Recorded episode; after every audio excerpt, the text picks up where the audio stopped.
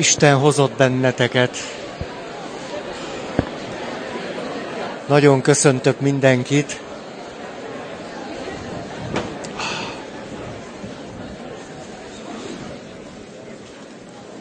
Szeptember óta folyik a témánk, hogy beszéljünk arról, hogy hogyan tud bennünket megnyomorítani az, amit Jung és Verena Kász nyomán úgy hívunk, hogy különböző komplexusok, és aztán persze legalább annyira szeretnénk szólni arról, hogy hogyan tudunk megszületni, ugye, hogy ezt olvashatjuk, hogy van-e élet a halál előtt, és azután pedig hogyan tudunk valódi emberi kapcsolatokban létezni, és hogyan tudunk a létezésnek az egyetemességében valahogyan részt venni. Szóval hogyan tudunk valódi életet élni. És így jutottunk el eh, tulajdonképpen egy férfi témához, férfi téma, mégpedig azáltal, hogy nagyon eh, egyértelműen ki tudtuk mondani, hogy az apakomplexusunk természetesen nem egyenlő az apánkkal, vagy az apánkkal való kapcsolatunkkal, a vele való tapasztalatainkkal, sem arról a képről, amit őrzünk vele kapcsolatban, sem természetesen annak az értelmezésével nem egyenlő, hanem hanem, hanem, az egy mélységeket nyit meg a saját lelkünkben, és ennek a mélységnek a hátterében mindannyiunknak ott van valami hozott anyag, az emberiség közös kincséből, ezt pedig így eh, hívjuk ebben a rendszerben, hogy a, az apa vagy a férfi ős típusa, ős képe. És ez nagyon nagy segítséget és lehetőséget ad nekünk, hogy akármilyenek is a személyes tapasztalataink, képesek legyünk a saját lelkünkben valami forrásra találni.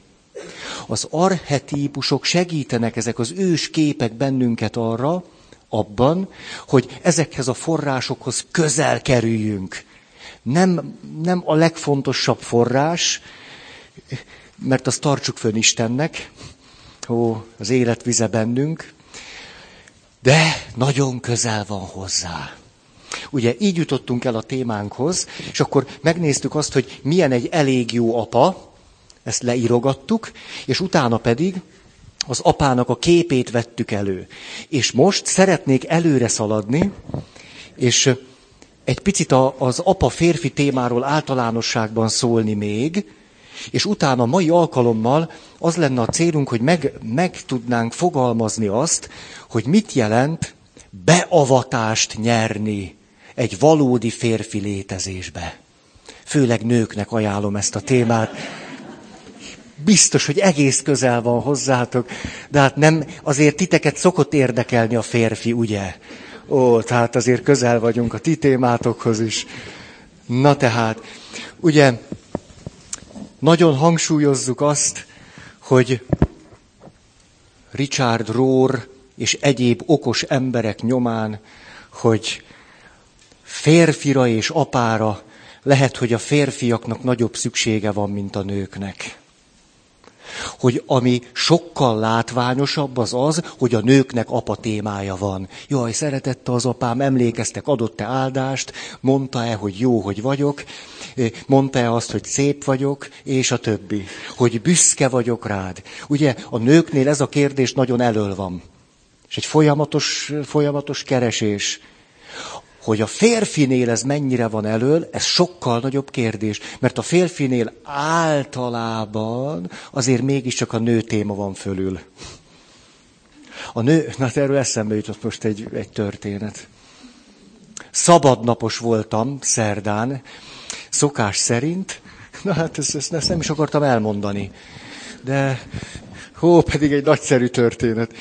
Tehát szabadnapos voltam, ez, ez, ez önmagában is egy jó történet nekem, de nem, nem ezt akarom elmondani, hogy képzeljétek, volt egy szabadnapom a héten, hanem, hanem azt, hogy elmentem, fölmentem a bakonyba, bakony, bakony, bakony, bakony tető, csúcs, minden, kilátó, 20 centis hó.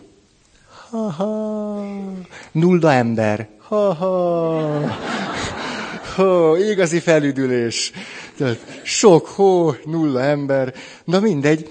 És azt terveztem, hogy először jöjjön a forcá, és utána pedig jöjjön a brügizés. Érthetőek ezek a szakkifejezések, ugye? Tehát először valami teljesítményt mutatunk, és aztán pedig elmentem a pápai strandra. Gyógyvíz. És sportberkekben tudjátok, hogyha egy sportoló elmegy brügizni, az azt jelenti, hogy vagy elmegy a gőzfürdőbe, vagy elmegy valamilyen, hogy mondjam, hámszöveteket olvasztani. Tehát, na tehát, elmentem, és ott fetrengek a pápai gyógyvízben, 36 fok, néha bugyog, nagyon jó. Nagyon, és aztán elmentem a szaunába. Most már egy szauna nem olyan, mint régen, amikor én gyerek voltam.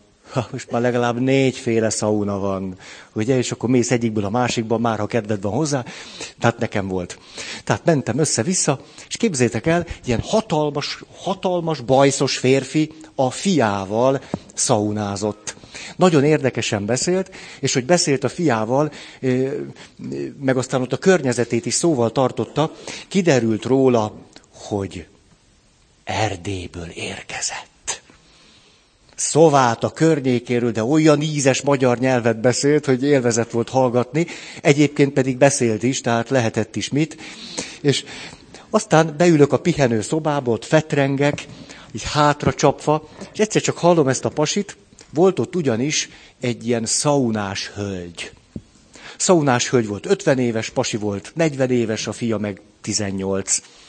És erre se szó, se beszéd, oda ment a szovátai férfi, azt mondja nagy bajszával a nőnek, tudja, nekem percenként háromszor eszembe jut.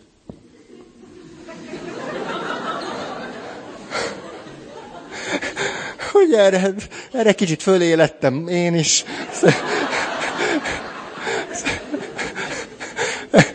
De milyen érdekes, ugye, hogy értjük ezt a mondatot. Nem ez a legérdekesebb benne? Tehát kíváncsi lennék, most ki az, aki nem tudja, hogy miről van szó, kérdezze meg a pattársát, hogy ezt adok rá egy kis időt. És akkor, de így ennyi. És tudjátok, az a nő egy zseni volt. Olyan választ adott, most szívesen megállnék, hogy ti mit válaszolnátok erre. Hát oda jön nagy bajszos szovátai erdély férfi, azt mondja, na tudja, háromszor percenként nekem az eszembe jut. És a nő, ami különösen nagy teljesítmény, hogy egy szaunában teljes hidegvérrel, a, a következőt mondja, ez nem tartozik ide.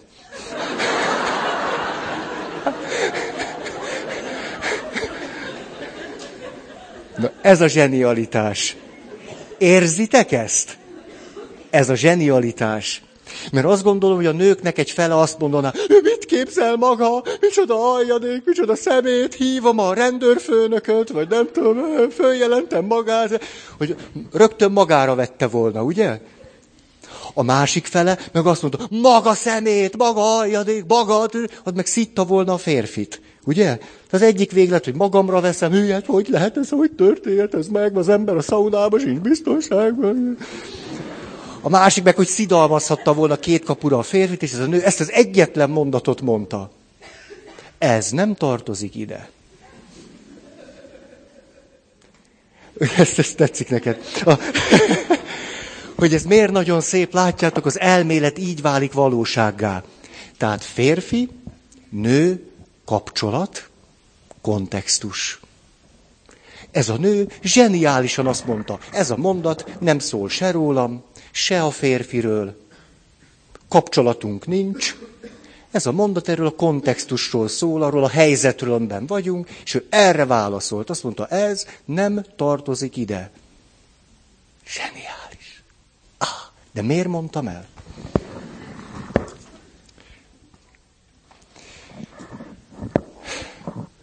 Miért mondtam el? Ja, hát tudom ám, hogy miért mondtam el.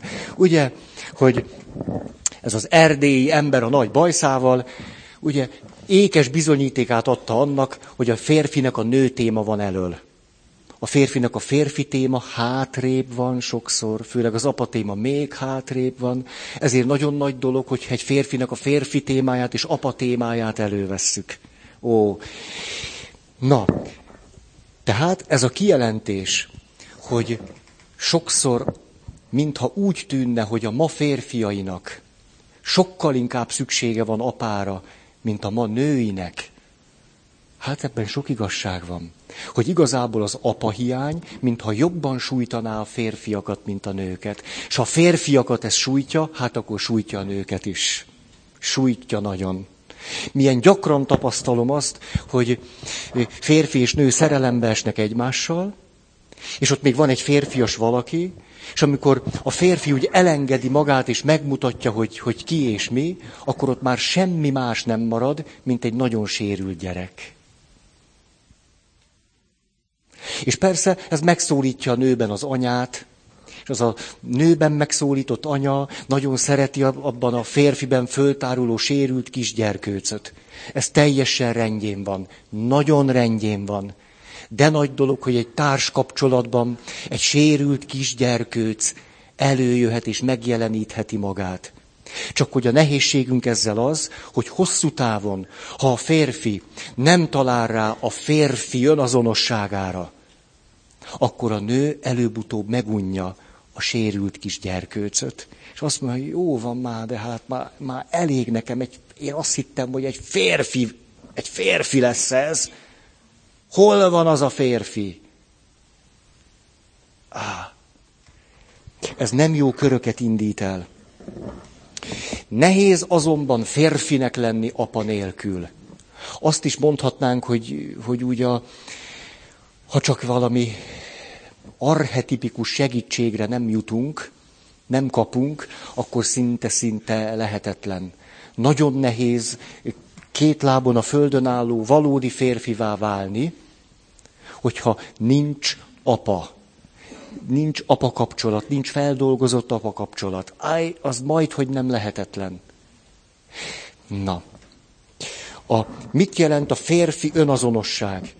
hogyha azt a nagyon egyszerű modellt nézzük, hogy felettesén, én, ösztönén, hát akkor a férfi önazonosság azt jelenti, hogy egy férfiben már egységbe jutott a felettesén, az én, meg az ösztönén. Az nem férfi önazonosság, hogy valaki az ösztönénnek átadja a, a jogart. Az macsóskodás, nem? És akkor ő kiéli a, az ösztönénnek a késztetéseit, és egy, egy, egy ilyen belevaló csávó. Dehogy is. Az ösztönén átvette az uralmat. Ez nem egy férfi önazonosság, hanem az illető azonosult az ösztön világával. Á, na de azt se nevezhetjük férfi önazonosságnak, ha valaki csak a felettes énnek a tartalmaival azonosul, a hatalommal, pozícióval, előrejutással, taposással, sikerrel. Ez férfi önazonosság? Hogy lenne már az? Azonosulás a felettes énnek a tartalmaival. Ha meg az illető semmi mással nem tud azonosulni, mint az énnel, hát kevés, rettenetesen kevés. Egy férfi, akiből csak az ego sugárzik, hát olyan unalmas és annyira sekélyes, mint az én szokott lenni úgy magában. Nincs abban semmi igazán érdekes, csak egy fölfújt lufi az egész. Ó, tehát a férfi önazonosság, ha az, semmi más, csak azonosás ezzel, azzal vagy amazzal, hát hogy lenne az önazonosság? Nem. Férfi önazonosság az, hogyha ez, ezek a tartalmak, amik itt és itt és itt vannak, Mária Rádió miatt mondom így, Tehát az ösztönén tartalmai, az én tartalmai, meg a felettes én tartalmai, ezek valamiféle egységben vannak ott a pasiban. Az férfi önazonosság. E, e, mellé, vagy, vagy mögé tudjuk tenni az életet, ugye? Nem kell ezt hosszabban nekem most ezt ragozni, magyarázni. Értjük ezt. Na, a, ha nincsen valamiféle mély kapcsolat az apával, már pedig szinte nincs, nincs és nincs és nincs, Mert ugye ráadásul egy apa még valahogy sok esetben a lányát úgy csak szeretgeti egy kicsit. Nem? Há, mégiscsak. Na de a fia, fiú, nőjön föl. Találja föl magát. Szóval, ha nincsen mély kapcsolat az apával, ennek az a következménye, hogy a férfi a saját magában lévő tekintéllyel, hatalommal, apai világgal nem tud mit kezdeni. Nem tud. Volt egy egész ilyen nemzedék egyébként, a hatvanas évek. A hippi nemzedék. Virágos trapéznadrág. Miért is? Azért, mert általában az apával való találkozás szinte csak negatív találkozás volt. Ez ellen jött egy óriási tiltakozás. Ugye, ha az apa és a tekintély csak olyan, mint amit Franz Kafka él meg, hát akkor én is inkább azt mondom, hogy vegyünk virágos gatyát, és mit tudom én. A többit nem mondom. A, ó, érthető válasz valamire. A kérdés, hogy az apai tekintéllyel, az apai erővel, ó, de annak a gondoskodásával is, az apából fakadó fényjel valaki tudott-e találkozni élete során, főleg a férfi vagy nem. És ha nem, és általában nem, hogy lesz ő belőle akkor férfi? A férfi az apán keresztül alakul. Úgy alapvetően, apa figurákon keresztül alakul. És ha nincsenek, akkor a nők, kedves nők, hiába kéritek számon rajtunk. Nem kaptunk eleget belőle. Ó. Na. Igen. Azt is mondhatnánk, most egészen röviden összefoglalásképpen, mit lehet ezzel kezdeni? Hát először is elő kell venni az apa témát elő kell venni, és valamit kezdeni kell. Valódi apám, apámról alkotott kép, apámmal való kapcsolat, megismerni ki őt, erről sokat beszéltünk. Egyáltalán az apatémát elővenni, szenvedni, sírni, fájni, mit tudom én, megörülni dolgoknak, á, szép emlékekhez is eljutni, és a többi ha az apa témával úgy vala, valahogy, valahogy, valahogy, ez elvezet bennünket a gyerek témához. De a gyerek témához nem a fejemben jutok el, az édeskevés, hanem itt. Itt. Hogy milyen volt nekem két évesen, négy évesen, hat évesen, nyolc évesen, tizenhárom évesen hogy mit éltem át, mit nem élhettem át, ó, mitől rettegek, hogy még egyszer át kell élnem, mit élek át újból és újból tekintély személyekkel való találkozáskor, mit tudom én. Ó, eljutok a sebzett gyerekig. Nem lehet kihagyni ahhoz, hogy egy férfinek férfi önazonossága, önbecsülése legyen, a sebzett kisfiún keresztül vezet az út nem lehet kikerülni. Én legalábbis ilyen utat nem ismerek. Bárki nyugodtan próbálja meg. Én nem ismerem azt az utat, ahol a sebzett kisfiút ki lehet hagyni. És aztán, mikor megtanultuk a sebzett kisfiút szeretni, na de a sebzett kisfiút ki tudja szeretni?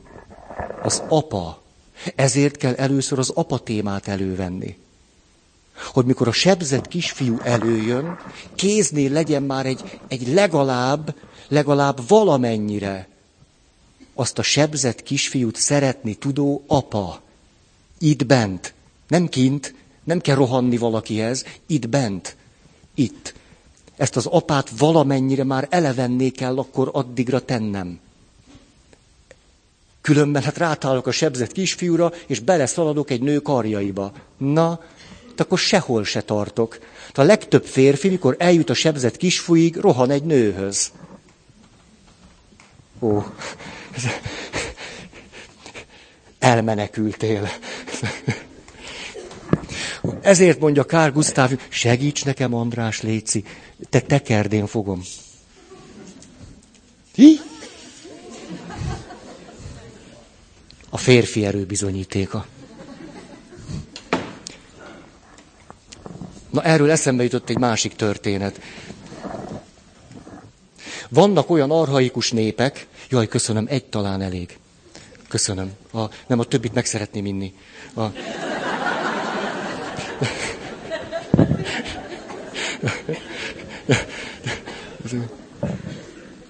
Hmm. Nem, ezt a történetet nem mondom el. Mindig, most már szinte minden alkalommal csinálok egy ilyet, ugye? Ez nagy piszokság.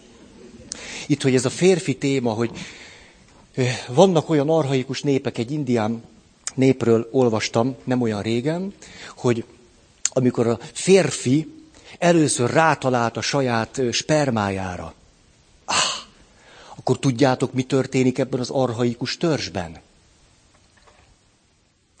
Az történt, hogy az illető a kezébe hozza, és megmutatja a többi férfinek. Hm? És milyen érdekes, derültök ezen, vagy ó, hát a mi kultúránktól ez teljesen idegen.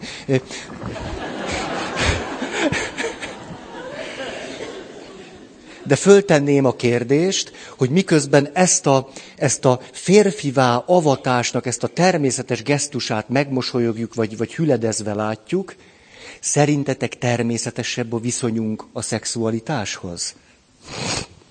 Na hát itt rogyok össze, ha valaki azt mondja, hogy igen. Ugye ez, ez nem, ilyet nem, ez tabu, jaj, ondó, ő, a. Azt nem. És közben meg...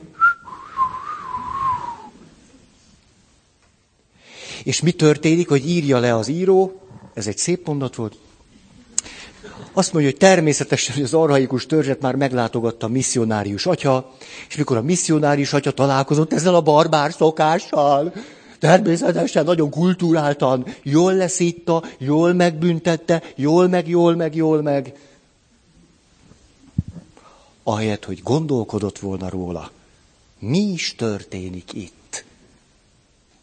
Ha. Hol tartottam?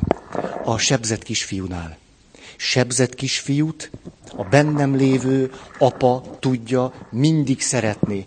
Különben, ja, Kár Gusztáv Jung mit mondott? Azt mondta, ha egy férfi, mikor eljut valami mély sebig, nem egy nő karjaiba rohan, többet ér száz év terápiánál. Akkor egy férfi eljut egy mély sebig, menjen föl a hegy tetejére. Sírjon, zokogjon, fázzon, fáradjon, pusztuljon bele és jöjjön le. Így. Nem mindig ölelő női karokban, akkor a férfi téma sosincs megoldva. Akkor rohansz vissza csecsemőbe, jaj, szeressen valaki, meg, puszi, puszi. Ez tök jó, hogy van, főleg nektek. Élvezzétek két kapura, de hát... Na de ettől a férfi önbecsülés hogy jön meg? Megjön ettől? Hát én, én szerintem nem jön meg. És a nők előbb-utóbb azt mondják, hol van egy férfi? Nem macsó, nem ilyen üző, hivatal, powerman, nem egy fölfújt én, férfi, innentől odáig. Ritka. Na, és mi történik, amikor ezért volt, hát, olyan hektikus vagyok ma, vagy eklektikus. Szeretnék akkor legalább egy-két mondatot normálisan egymás mögé fűzni. Szóval ezért volt fontos megnézni, milyen az elég jó apa. Milyen? Milyen az elég jó apa? Mi, mi, mit kapunk az apaképtől? Azért, hogy egyáltalán, mikor eljutunk a sérült kisfickóig, akkor ott legalább, legalább valami sejtésünk legyen, hogy mit kéne vele csinálni. Egy elég jó apa mit csinálna azzal a sérült kis fickóval? Hát nem pofozná föl, ha nem rúgna bele, nem kezdene el okoskodni. Hát, nem mondaná hogy hát semmi, Ha én beszélnék a munkahelyi nehézségekről, abba dögölné bele. Szóval kell akkor már az apa, sebzett kis fickó előjön, kis Bart Simpson, hát azt úgy lehet sajnálni. Hát az, az egész Simpson család zseniális. Mindig azt nem, nem zseniális, Na, nagyszerű. Gyakran nézek Simpson családot, ha megtehetem, legalább fél évente egy epizódot, és hát az nekem gyakran van, hát gondoljátok, hogy ott ülök, hogy mikor kezdődik, hát de ha úgy, hát hogy az a, az a fiú keresi az apát. Minden epizód erről szól. Apa meg nincs. Hát, mert az az űrge, az, az, az olyan. És akkor, milyen, de fantasztikus, hogy azért az írók néha egy-egy ilyen fénysugarat meg, megcsillantanak egy-egy epizódban. Tehát, hogy az, hogy az apa, hány perces egy epizód Simpson családból? Húsz? Fél óra. Nekem húsz percnek tűnik hogy abban van mondjuk az apának két olyan mondata, hogy ha, jó, itt kéne abba hagyni, de sose ott van vége. Ugye annál... Na. Szóval a harmadik lépés az az, hogy végre akkor már apa, kisfiú, férfi. És az a férfi akkor már kezd és tud férfiként létezni. Hordozza magában az apát, hordozza magában a kisfiút, de férfiként tud létezni. Hogy ez mit jelent? Erről öt pont. Ütős lesz. Ez, Tibor azt mondja, jöjjön, jöjjön. Gyomor megfeszül.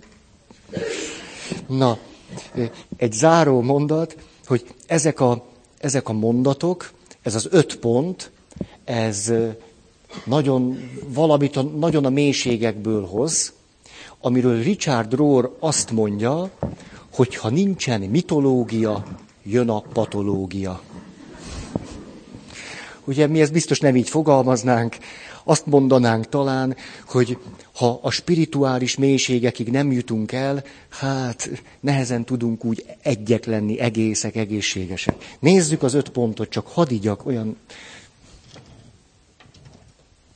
Hm.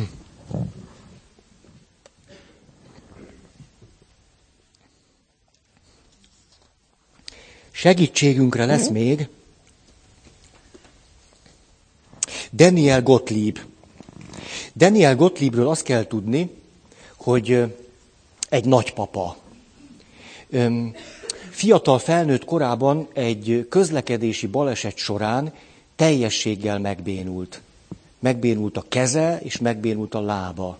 Évtizedek óta egy tolókocsiban él, és megszületett a kisunokája. Az egyszem kisunokájáról két éves korában kiderült, hogy autista. Azonban ez az nagypapa, mikor megszületett a kisunokája, úgy döntött, hogy leveleket fog neki írni. Mert hogy egy igazi nagypapa valamit az élet bölcsességéből átad az unokájának. Mikor két évesen kiderült, hogy a kisunokája autista, akkor rettenetesen összetört, és nagyon gondolkodott, hogy van-e értelme tovább folytatni a levelek írását. És úgy döntött, hogy van. Ezért aztán megírt a kisunokájának sok-sok levelet. Öt pont, föl fogok olvasni belőle hat levelet. A levelek körből egy másfél oldal hosszúak, és igyekeztem úgy kiválogatni, hogy passzoljanak a pontokhoz. Ez szép teljesítmény tőlem, ugye? Jó.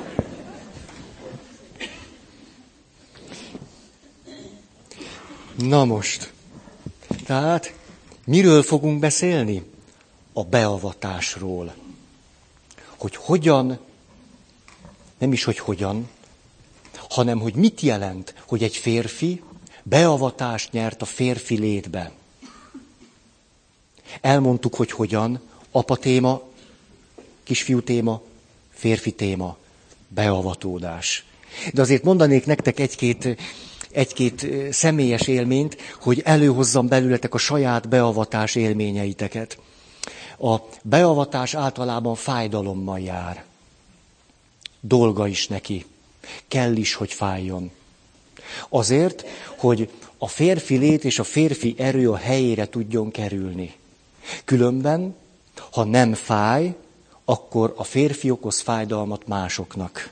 Ha nem tudja, mit jelent az, hogy fáj, akkor másoknak okoz fájdalmat.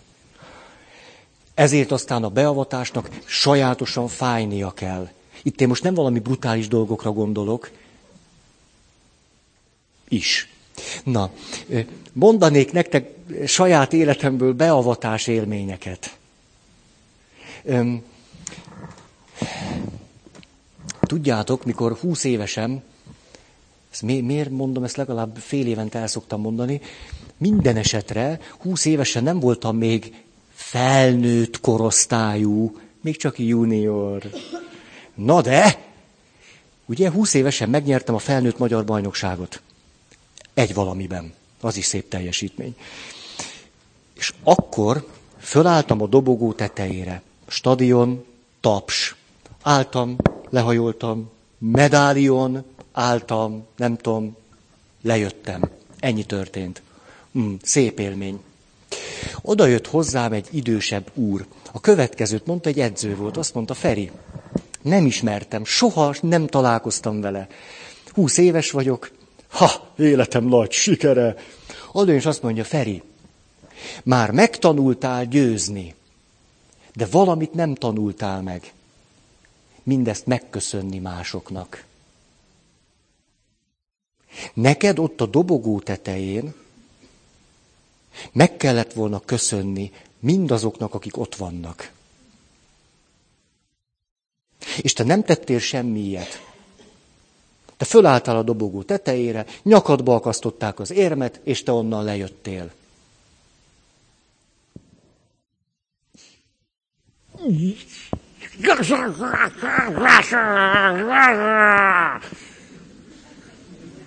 Életem legszebb napját tönkre teszi.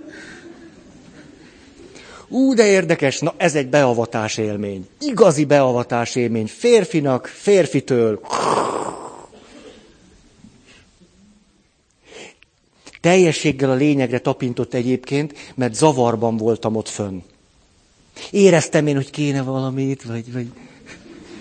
De hát olyan béna voltam.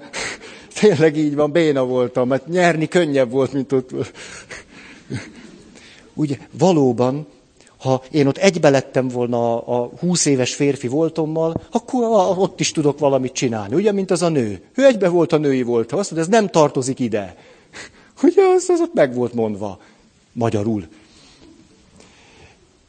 Ez egy igazi beavatás. Attól kezdve, ez, hát én ezt viszem a halálom pillanatáig. Ennek a férfinek, akit se előtte, se utána nem láttam, roppant hálás vagyok. Beavatott engem valamibe. Mondok egy másik beavatást. Öm, egészen a jelenből. Milyen nap van? Kedd. Akkor Pál Feri? De ez... Ez hétfőn történt. Hétfőn? Nem most hétfőn. Egy héttel ezelőtt, meg egy napja.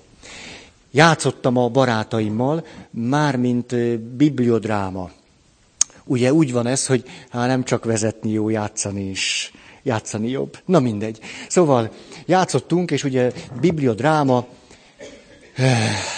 Júdás voltam.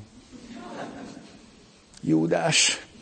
Ki akartam próbálni. Most még van néhány hét, hogy eldöntsem, hogy milyen irányba megyek. És a... És a...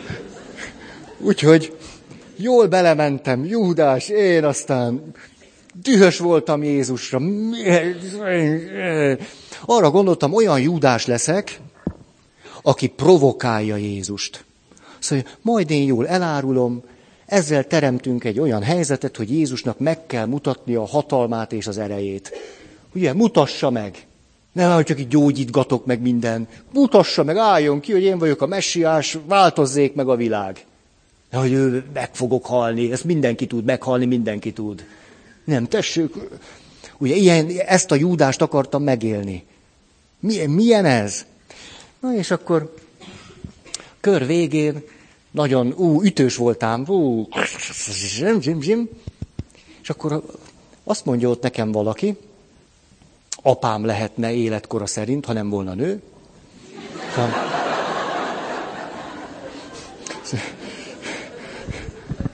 Azt mondja, te Feri, végül is én úgy láttam, hogy te provokáltad az életet. Provokáltad. Kiállt és provokáltad. Tudod-e te azt, hogy aki igazán bízik az életben, az nem provokálja azt. Nincs mit provokáre, nincs mit előhívni onnan, mert tudja, hogy az ott van. Te viszont provokáltad. Ezt tudod, mit jelent? A bizalom hiányát. Az életbe vetett bizalom hiányát. Különben az életet nem kell provokálni.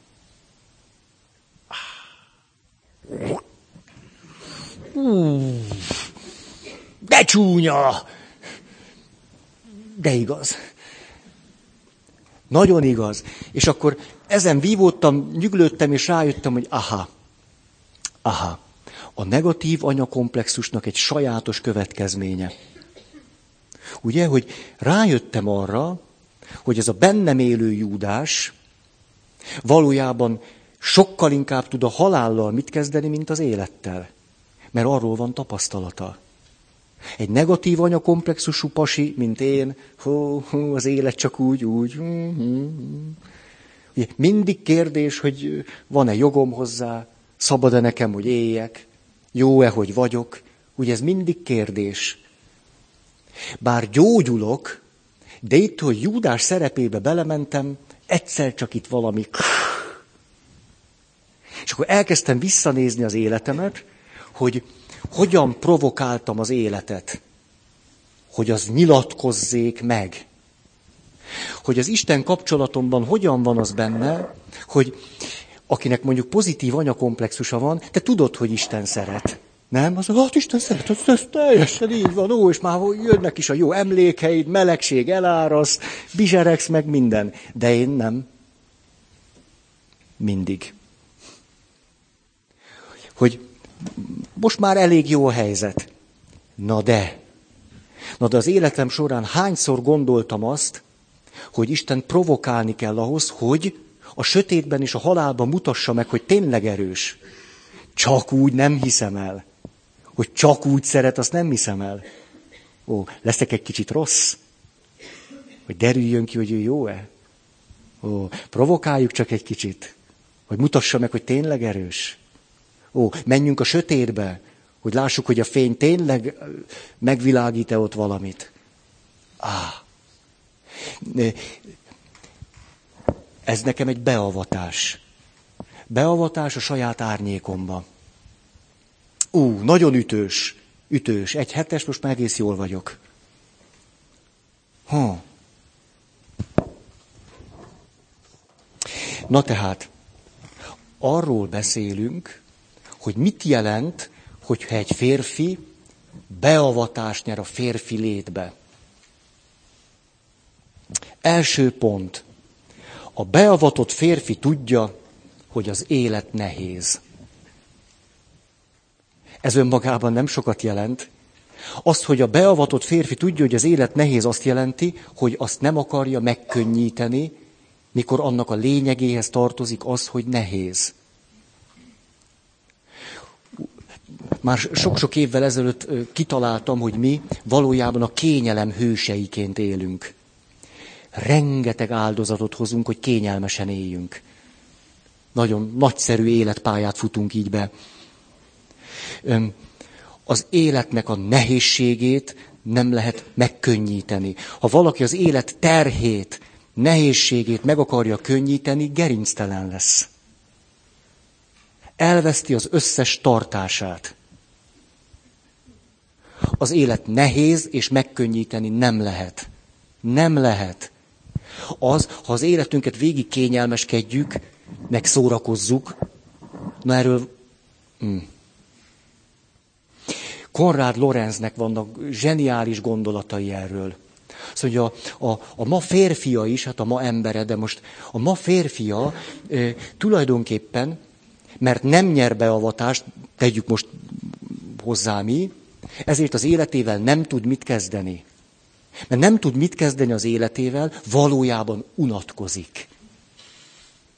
A ma férfi az életével nem tud mit kezdeni. Ezért aztán szórakozik. Szórakozik, és próbál ilyen-olyan élvezetekben valahogy az élet értelmére rátalálni. Miközben az teljességgel elveszíti.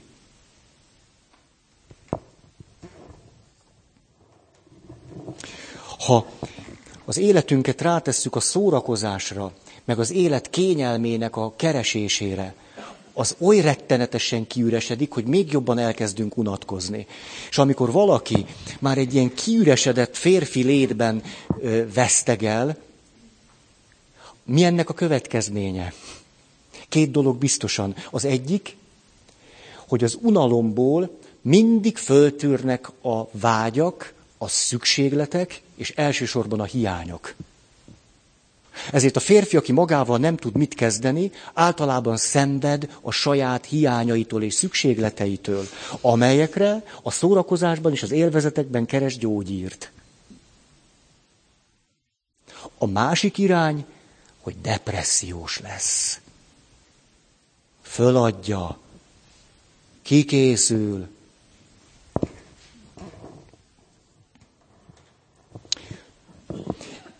önsajnálat.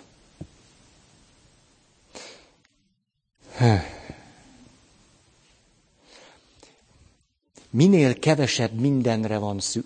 Hmm. Azt tudjátok, hogy nem az a gazdag, akinek sok mindene van? Ha? Ha? Ez megvan nektek, ez az alaptétel? Annál gazdagabb vagyok, minél kevesebb mindenre van szükségem. Ha, ha a férfi Megél a jég hátán is, nagyon gazdag. Üres a zsebe, és nagyon gazdag. Mondok akkor egy történetet. Drága szem. A szem az egy név. Csak azért, hogy ne törjétek a fejeteket, és tudjatok a történetre figyelni. Hm. A cím sokat sejtető. Leszokni a cumiról. Drága szem, leülök hozzá. Boldog negyedik születésnapot. Isten éltessen abból az alkalomból, hogy növekedésed és fejlődésed fontos forduló pontjához érkezett. Viselkedésed mereven ismétlődő elemei közül néhány rengeteget javult. Ilyet autista kisfiúról beszélünk. Sokkal jobban beszélsz. Láthatóan használni kezdted a beépített erkölcsi iránytűt, melynek segítségével megfigyeled, hogy az emberek viselkedésében mi a helyes és mi a helytelen. Anyától tudom, hogy az idei iskola előkészítős évben végre együtt énekeltél a többi gyerekkel. De nem minden hír jó. Továbbra is aggasztónak találjuk merev szokásaidat, meg azt, hogy mennyire kiborulsz minden változástól. Szem. A változás mindannyiunk számára nehéz. Ahogy öregszünk, egyre több változással kell szembesülnünk. És tudod, minden változás veszteséggel jár, és valahányszor elveszítünk valamit, minden áron vissza akarjuk szerezni. Mindent, ami életem során valaha is elveszítettem, nagy dolgokat és kicsiket, első nekifutásra vissza akartam szerezni. És mivel tudjuk, hogy minden változás veszteség, és minden veszteség változás, a szüleid aggódnak, mi lesz, ha le kell szoknod kedvenc nyugtatódról, a cumiról. Már hónapokkal a születésnapod előtt megmondták neked, hogy a négy évesek nem cumiznak. Az utolsó hetekben látszott rajtad, hogy egyrészt izgat, másrészt rettegéssel tölt el, hogy le kell róla szoknod. És egy nagy napon anyád elvitt a játékboltba, hogy ott becseréld a cumidat egy játékra. Na ez egy elég jó anya. Veszed ki azt a cumit, négy éves vagy. Nem. Elmegyünk a játékboltba, lerakjuk a cumit, kapsz egy játékot. Elég jó anya. Na, azt mondja, amikor hazaértél, sírtál. Nem akarok négy éves lenni, többé jajongtál. Három éves akarok lenni. Ezt szoktuk 40 évesen is mondani. Emlékszel, mennyire sírtál az első éjszaka? Most, hogy már nem cumizol, semmi sincs, ami megvédjen a szorongásodtól. Ezért olyan nehéz. Tudod, a cumi a biztonság illúzióját adta neked. S ha elveszik tőled, ott majd ott marad helyette a bizonytalanság, ami egyébként végig ott volt. Szem, előbb-utóbb majdnem, majdnem mindent elveszítünk, amihez előzőleg hozzászoktunk. A vagyontárgyainkat és a szeretteinket, a fiatalságunkat és az egészségünket. Ugyanakkor mindez alkalom is. Tudod, egy régi szufi mondás szerint, amikor a szív siratja, amit elveszített, a lélek örvendezik annak, amit nyert. Bármennyire megkímélne a fájdalomtól az, aki szeret, bármennyire is a legszívesebben nyomban visszaadná a cumidat, tudod, nem tenne jót veled. A növekedés minden egyes szakasza veszteséggel jár, és veszteség nélkül nincs nyereség. Amikor fájdalommal tölt el egy veszteség, kérlek, ne csap le valami másra, csak hogy tompítsd a fájdalmat. Hidd el inkább, hogy a fájdalom, mint minden más, csak átmeneti. És rajta keresztül megtanulod, hogyan küzd meg a csapásokkal. Meg fogod tanulni, hogyan védekez a stressz ellen. És büszke leszel rá. A fájdalom túl... A fájdalom túlpartján pedig megtanulod majd, hogy ki is vagy valójában. Ölel papid. Olyan szép, nem hagyhatnánk abba? Elmennék pihenni. Nem.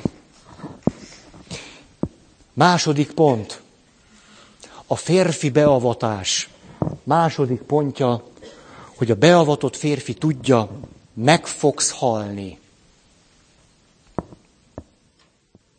A meg fogsz halni egyrészt jelenti azt, hogy szembe merek nézni a halállal, de a kis halálokkal is, a rengeteg kis halállal, ami az életnek a része. Szembenézés a sebeinkkel, a halálfélelmünkkel, a veszteségeinkkel és az árnyékunkkal, hogy nem vagyunk azok, akiknek szeretnénk látszani, tűnni, vagy szeretnénk, ha mások azt gondolnák, hogy mi, de főleg mi szeretnénk, hogy azt gondoljuk magunkról, hogy, és nem vagyunk azok. Aki tudja, hogy meg fog halni, már akár bátor is lehet. Tudni elengedni az életet, és elengedni a halált. Ó, én nekem a halált nehéz elengedni. Túlságosan jól ismerem. Kis halálokat és nagyokat. Ismerős nekem. Ismerős. Akinek mondjuk pozitív anyacup komplexusa van, ő az életet nem akarja elengedni. Semmi áron. Ami ő, amine, ami, amit ő életnek talált és tapasztalt, azt ő el nem engedi. Nem. Az életnek az a dolga, hogy őt szolgálja, és ezt is megkapja, és azt is, és az normális, az neki jár, és ez így helyes, és így természetes, és... A férfi beavatásban el tudom engedni a halált, és el tudom engedni az életet. Nagy teljesítmény.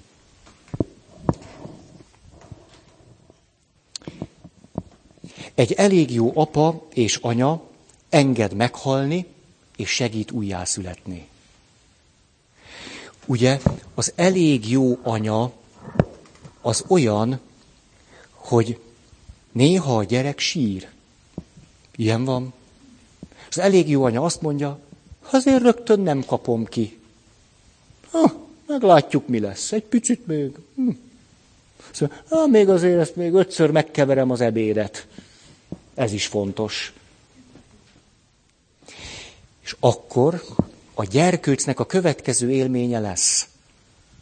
Az anya előbb-utóbb megérkezik. Olyan nincs, hogy egyáltalán nem érkezik meg. Akkor sérülünk meg. Ha újból és újból az a tapasztalatunk, hogy sírtunk, és senki nem figyelt ránk. Hogy éhesek voltunk, és nem kaptunk enni.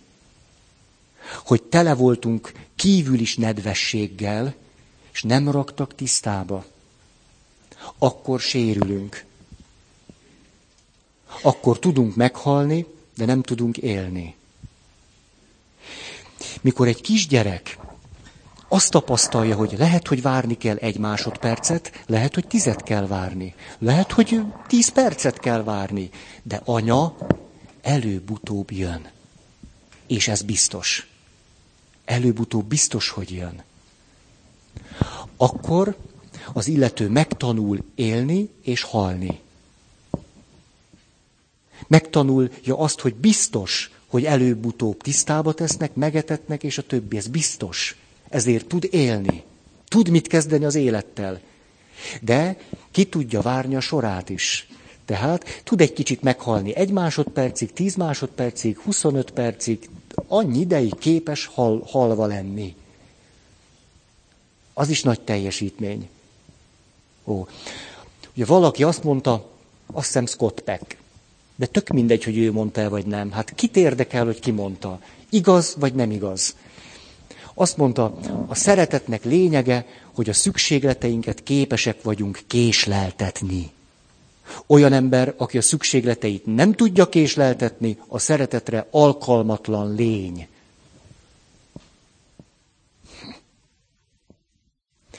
Ha az anya mindig jön, a gyereknek nem tesz jót ha mindig és rögtön és ugrik, és van málnás cumi, citromos cumi, meg mentolos cumi, az sok. Az sok. Hogy lesz abból férfi? A... Na jó. Tehát megfelelő gondoskodásra van szükségünk. Ezt a történetet nem fogom felolvasni, van ebben egy gyönyörű történet, autista kisfiú. Az édesanyja elég jó anyaként megy vele az uszodába, és tanítják úszni. A nagypapa pedig a toló székében nézi, hogy a kisfia, a kisunokája hogyan tanul úszni. És azt látja, hogy az anyja nagyon aggódik érte. Ezért mindig hamarabb lép oda, és hamarabb kapja el, mint ahogy a kisfiú azt szeretné. De az anya ezt nem veszi észre, mert túlságosan aggódik. És ott van az a három-négy éves autista kisfiú, és a nagypapa, hogy kívülről látja, ezt meg is írja egy levelében, azt mondja, tudod, láttam, hogy egyre dühösebb lettél. Mert az anya nem engedte meg, hogy addig úsz, ameddig tudsz. Mindig egy kicsit előbb kivett és végül elsírtad magad, és kifejezted azt, hogy nem akarsz többet úszni.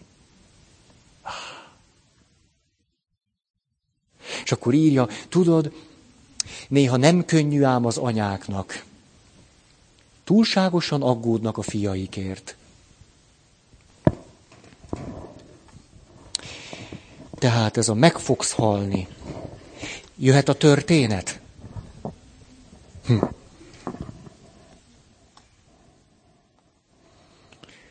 Beszámoztam. Annyira rendes vagyok, így könnyebben megtalálom, és az előadás pergő lesz.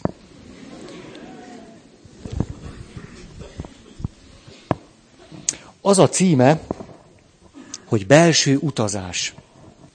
Drága szem! A Biblia szerint az örökké való így szólt Ábrámhoz. Menj el országodból, szülőföldedről, atyát házából, abba az országba, amelyet én mutatok neked. Egy szép napon, szem, te is útra fogsz kerekedni. És azon a napon Tele leszel félelemmel és reménységgel. És könnyen lehet, hogy a nagyobb bátorságra, a belső utazáshoz lesz szükséged. Az én utazásomnak 18 esztendős korában kellett volna kezdődnie. Akkor kerültem el otthonról először, akkor iratkoztam be a főiskolára. Gimnazista éveimben végig tanulási nehézségekkel küzdöttem. Most, hogy egyedül maradtam, ez a nehézség áthághatatlan akadályként tornyosult előttem. Már hogy 18 évesen. Ráadásul rémült voltam, és azt hiszem, hogy depressziós. És mindennek a tetejébe a szobatársam antiszemita volt, én meg zsidó. Amitől csak még magányosabbnak éreztem magam. Ennyi teherrel a vállamon a legtöbb tantárgyból megbuktam. Nem is iratkoztam be a következő szemeszterre. Mindez a vietnámi háború kellős közepén történt, már pedig én rettegtem a háborútól, és nem is hittem benne. Azt viszont tudtam, ha kirúgnak a főiskoláról, abban a pillanatban le fognak sorozni katonának. Ha nem szerzek olyan jegyeket, amelyekkel bennmaradhatok a főiskolán, Vietnámban fogom végezni. Azt tettem, amit világéletemben, amikor rémült voltam és magányos. Fölhívtam anyámat. Először fordult elő, hogy ezt felelte. Beavatás. Most történik a beavatás. Innen nem tudok rajtad segíteni. Magadtól kell talpra állnod. Ez volt az a pillanat, amikor én útnak indultam. Elhatároztam, hogy beszélek az egyetem dékányjával, és jókora kitartással végül is be is tudtam hozzájutni. Fölvázoltam a helyzetem, és kértem, adjon még egy lehetőséget. Engedélyezte, hogy maradjak még egy szemeszterre, és abban a pillanatban valami megváltozott bennem. Ám mint kiderült, az iskola elvárásai meghaladták képességeimet. A végén a közelben lévő egyetlen nappali tagozatos eskri iskolában kötöttem ki, történetesen egy katolikus egyetemen. És mint kiderült, ez lett életem egyik legmeghatározóbb esztendeje. Egyedül laktam, senkivel sem barátkoztam, de sikerült komoly tanulási készségekre szertennem, és magam is meglepődtem a szorgalmamon, és megtanultam elviselni a magányt. Ott abban a magányban kezdődött el a valódi utazásom. Azt persze egy szóval sem mondom, hogy magam választottam így. És amikor a te életedben is eljön az idő, hogy útra kelj, őszintén remélem, hogy más helyzetben leszel. Remélem, akkor fogsz útra kelni, amikor készen állsz rá. És remélem, hogy utat során lesz körülötted valamiféle védőháló. De azt is remélem, hogy a magány arra is lehetőséget ad, hogy ráébredj, ki is vagy valójában. Tudod, a rendelőmben főhelyen áll egy ismeretlen szerző műve. A következő. Gyertek ki a széléig. Válasz. Nem, nem mehetünk, félünk. Gyertek ki a széléig. Nem, nem mehetünk, leesünk. Gyertek ki a széléig. És kimentek, és lelökte őket, és ők repültek. Most, hogy ezt a verset újra olvasom, eszembe jut életem egy másik epizódja, amikor ugyancsak letévettem a térképről. Közvetlenül a balesetemet követően mindenki másképpen nézett rám, még a szüleim is. Korábban mindig azt éreztem, hogy előttem járnak az élet ösvényén, és hogy bárhová megyek is, ők már jártak ott előttem. De most olyan tapasztalatok szerzésébe fogtam, amelyben nekik eddig nem volt részük, és amit alig ha tudtak elképzelni. És abban a pillanatban, hogy rám néztek, tudtam, ezen az ösvényen egy szál magamban járok. Attól fogva, bármerre folytatom is az utam, azon az úton nem járt előttem senki. Szörnyen szomorú, szörnyen félelmetes, és egyszer mint nagyon fölszabadító. Ölel papid.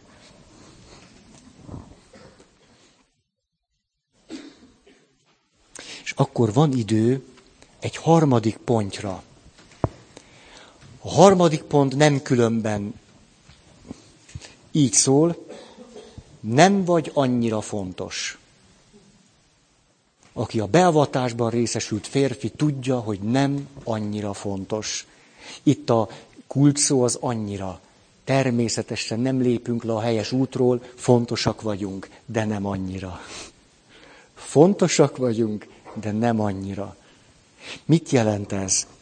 Például, hogy az életünk során megtanuljuk az alázatot, az engedelmességet és a tiszteletet. Erről Gőte kapcsán volt szó a múltkori alkalommal. Megtanuljuk a fegyelmet. Megint csak Konrád Lorenz azt mondja, nem is, de, de ez is nem mindegy, hogy ki mondja. Mert lehet, hogy Csíkszent Mihály Mihály mondja. De azt mondja, a ma férfia képtelen a belső fegyelemre. Ha egy kicsit egyedül marad, az elméje úgy csapong, és olyan össze-vissza megy, amerre az elméje akar, hogy nem csoda, hogy rettenetesen kiszolgáltatottnak érzi magát, és vagy külső hatalmaknak az oltalmába helyezi az, életét, vagy pedig elmegy szórakozni. Szóval a legtöbb férfi a belső fegyelmet nem is tanulja már meg. Így, ez nagyon ütős. Ez nagyon. Öm, egészen biztos vagyok benne, hogy ha van bennem némi férfiasság, azt döntően a sportnak köszönhetem. A sportnak. Úszó óvoda, hat évesen krallozás, sok, egyik hossza másik után, megtanulni a különböző úszásnemeket, hat évesen tíz méteres trambulinra fölmenni, leugrani, hat éves úszóvoda, szocialista nevelési módszer, és utána még laza 16 év sport. Sport és sport és sport és sport. Belehalni minden nap. Van egy, van egy nagyon kedves pszichotikus ismerősöm. Mind a kettő igaz a háromból. Kedves, pszichotikus, ismerős. Tehát mind a három igaz. Na, csak a meggyőződésem, hogy a spo- egészségedre. Á, ez egy emberes. Sándor, te voltál? Igen, hallom, látjátok, hogy ki. Na, hogy meggyőződésem, hogy a, a sportban szerzett férfi erő tartja őt egyben. Körülbelül 5-6 évet töltött pszichiátriai osztályokon. 5-6 évet. Most 5-6 éve tulajdonképpen teljesen, teljesen, teljesen gyógyult pszichotikus embernek az életét éli. 5-6 éve. Nem kellett pszichiátriára mennie, egy napra se. Csak szedi a gyógyszereit. És akárhányszor találkozunk, az lehetetlen, hogy a tíz perc vagy egy órát beszélgetünk, tök mindegy, nem mondaná el, kajakozott. Azt mondja, Feri, én a vizen minden nap belepusztultam. Minden nap. Akárhányszor kimentem a vízre, és eveztem, bele döglöttem. Szerintem ettől nincs most ő a pszichiátriai osztályon. Mert megtanult belepusztulni. És ezért tudja, hogy van utána élet. Nagyszerű valaki. Nagyszerű. Azt mondja mindig, szóval, Feri, én egy harcos vagyok. Szóval, harcos vagyok, hát kell is neki. Hogy, hogy egyáltalán fönn maradjon a létben. Ó, tehát nehezen tudom elképzelni azt, hogy valaki férfi életet tudjon élni, férfi önazonosságban, önbecsülésben, ha külső-belső fegyelmet nem tud tartani. Emlékszem, a szemináriumban rettenetesen utáltam, hogy hat órakor kell reggel kelni. És pöröltem, hogy micsoda marraság, hat órakor ki tud gondolkodni. És aztán ugye kikerültem az első papi évben, rájöttem, hogy ha reggel nem kerek föl, és nem szemlélődök egy fél órát, akkor már napközben biztos, hogy nem lesz rá időm. Vagy hát, ha lesz, akkor már tele van a fejem. Á. Ó. Szóval, hogy ez kedves, olyan érdekes, az, hogy jött hozzám valaki, egy, egy 50 év körüli férfi, sok gyerekes apuka, szóval azért, és a következőt mondja. Ugye én egy picit egy hősnek látok egy sok gyerekes apukát. Tényleg olyan, olyan megbecsüléssel vagyok, négy-öt gyereket ma, hát az, az fantasztikus. Akkor azt mondja, hogy Feri, most nagybőjben is rájöttem, nem tesz az nekem jót, ha kényeztetem magam. De érdekes ez, hogy ezt egy olyan férfi mondja, aki az életnek a terét jó alaposan viseli. Nem egy olyan valaki, aki jaj, fölébred két buli közben, hogy hát ez nem volt annyira jó.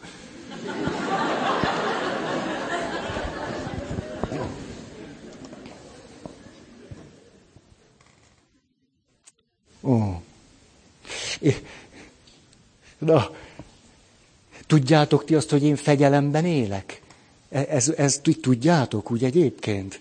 Mert itt szoktam ugrabugrálni, de hogy én óráról órára be vagyok osztva. Az, az, az, reggel kevés, olyan nincs, hogy nem kelek. Szabad napon is. Kedves ismerősöm mondta, Feri, hát ez egy marhaság, hát legalább a szabad napon nem. Föl kell kelni. Mi. Utána visszafekszem. Na. Fegyelem nélkül nincs férfi élet. Öm, mi jelent? Nem vagy annyira fontos. A nem vagy annyira fontosban benne van, hogy a világban megvan a helyem, de a világnak sosem vagyok én a középpontjában. Soha. És nem is kell, hogy ott legyek. Annyira fontos nem vagyok. Hogy amikor valaki fölkiált és azt mondja, átél egy nehézséget, és azt mondja, na, hogy ez megtörténhetett velem, soha többet nem hiszek Istenben. Az illető azt mondta, én vagyok a világegyetem középpontja. És ettől kezdve nem méltóztatok hinni egy Istenben. Én. Hogy én velem ez megtörténhetett, ezután lesheti Isten. Hogy én mikor fogok hozzáimádkozni. Na azt nézheti. Én. Ó.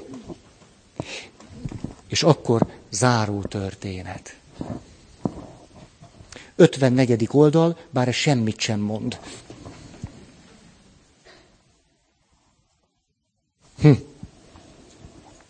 Most hallottam kívülről a hangomat. Egyszer-kétszer meghallgattam a saját előadásom. Nem többször, annyi is elég volt. A... Egyrészt meglepődtem, hogy egész élvezetes.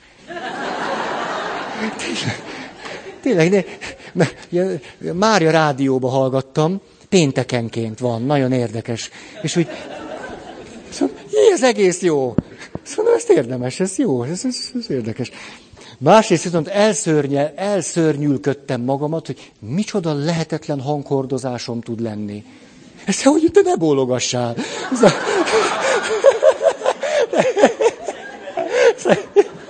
Se, se, hát azért ez nem esik jól. Hát ez egy kicsit... Hát, Feri, valami, valami egy kicsit normálisabban. És akkor erre azt mondta Sándor György, Feri, te affektálsz. Na, na ez is ilyen beavatás találkozás. Szóval, Feri, te affektálsz. Aztán gondolt, hogy az egény biztos padlót fog tőle. Szóval, de ezt a nők szeretik. Na ez a megalázó.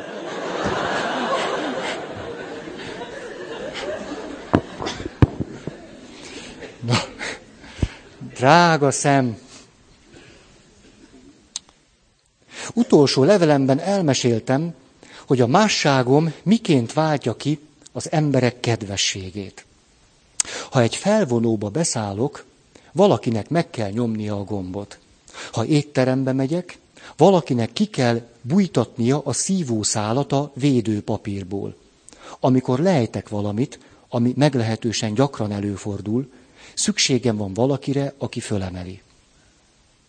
Tudod, A kutatások egyértelműen bizonyítják, hogy aki szívességeket tesz egy másik embernek, annak a szervezetében endorfin szabadul föl, ami a test természetes antidepresszánsa. A te másságod is segítő készséget fog kiváltani az emberekből, és azáltal, hogy rajtad segítenek, az ő közérzetük is jobb lesz. Tudod, ha valaki eltöri a nyakcsigójáját, a fejét mozdulatlanul kell rögzíteni, hogy a csontok összeforhassanak. A régi időkben az orvosok fejtől derékig begipszelték a beteget, épp csak az arcát hagyták szabadon. A beteg úgy nézett ki, mint egy múmia. Ma egy úgynevezett glória mellényt használnak, de ennek a glóriának semmi köze az angyalokhoz, nekem aztán elhiheted. Ez ugyanis egy fém abroncs, amely a fejtől három milliméterre veszi körül a koponyát. Az abroncsot a koponya csöndban rögzítik. 25 év elteltével még mindig megvan a forradás helye a homlokomon, ahová rögzítették ezt az abroncsot. A glóriából rozsdamentes acélpálcák állnak ki meredeken, ezeket üveggyapot mellényhez rögzítik, ez akadályozza meg, hogy a fejem elmozduljon. Amikor az intenzív osztályon így módon rögzítették a fejemet, azt se fel, se le, se jobbra, se balra nem tudtam mozdítani. Egyedül felfelé a rosszul megvilágított mennyezetre láttam, Csupán az orvosi műszerek és a monitor zümmögését és csipogását hallottam. Az infúziós oldat szünet nélkül csöpögött a karomba. A vizeletemet katéter vezette el. A fejemben rettenetes fájdalmat éreztem. Egyetlen vágyam az volt, hogy bár elaludnék, és soha többé nem ébrednék föl. Idővel észleltem, hogy valaki leült az ágyam mellé. Látni nem láttam, de föltételeztem, hogy az egyik nővér. Talán valaki, aki korábban ellátott, vagy pedig a mostani ügyeletes. Egy nő halkan megkérdezte, hogy valóban pszichológus vagyok-e. Azt feleltem, hogy igen. Erre megkérdezte, elmondhat-e valamit, ami foglalkoztatja. Természetesen feleltem. Este volt, és az intenzív osztályon csend honolt. A suttogásnál alig valamivel erősebb hangon elmesélte, hogy valaki, akit őszintén szeretett, elhagyta. És a szerelme elvesztése után úgy tört rá a magány, hogy attól tart, nem bírja elviselni. A fájdalom olyan kibírhatatlan, hogy legszívesebben véget vetne az életének. De az ilyen és hasonló gondolatok rettenetes félelemmel töltik el. Nem tudhatta, hogy magam is hasonló gondolatokkal foglalkozom. De mert annyira átéreztem a fájdalmát, képes voltam mégiscsak őszinte együttérzéssel végighallgatni. Hogy mennyi ideig beszélgettünk? Így visszagondolva végtelenül sokáig tartott a suttogás, talán órákig is. Elmesélte az életét, a szenvedését és a veszteségét, az elviselhetetlen fájdalmát. Nem érdekelte a glóriám, a katéterem és az infúzióm. Nem érdekelte, tudok-e járni, vagy táncolni, vagy szeretkezni. Még mintha a szenvedésem sem érdekelte volna. Azt akarta, hogy enyhítsek a fájdalmán. És ahogy hallgattam, a balesetem óta először fordult elő, hogy nem a saját szenvedésemmel foglalkoztam, hanem az övével. Egyetlen másodperce sem hajolt az ágyam fölé. Így egyáltalán nem láttam az arcát. A gondolataimban, a szívemben ő lett az a mágikus, misztikus hang, amely belépett az életembe és a lelkemig hatolt. Akkor este, a beszélgetésünk után megmondtam neki, kit keressen föl. És mikor elment, tudtam, hogy segítettem rajta. És attól fogva tudtam azt is, hogy bénán is képes leszek tovább élni. Az ágyam mellett megszólaló hangból kihallottam, hogy még mindig szüksége lehet rám a világnak. Mindenki azt bizonygatta, hogy így is értékes ember lehetek. De hogy ez valóban így van, arról egyedül az győzhetett meg, hogy valaki kért tőlem valamit könnyen lehetséges, hogy akkor este kölcsönösen megmentettük egymás életét. Ölel papíd.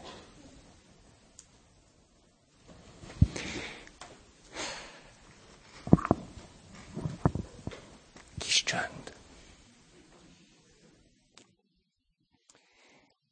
Akar-e valaki hirdetni?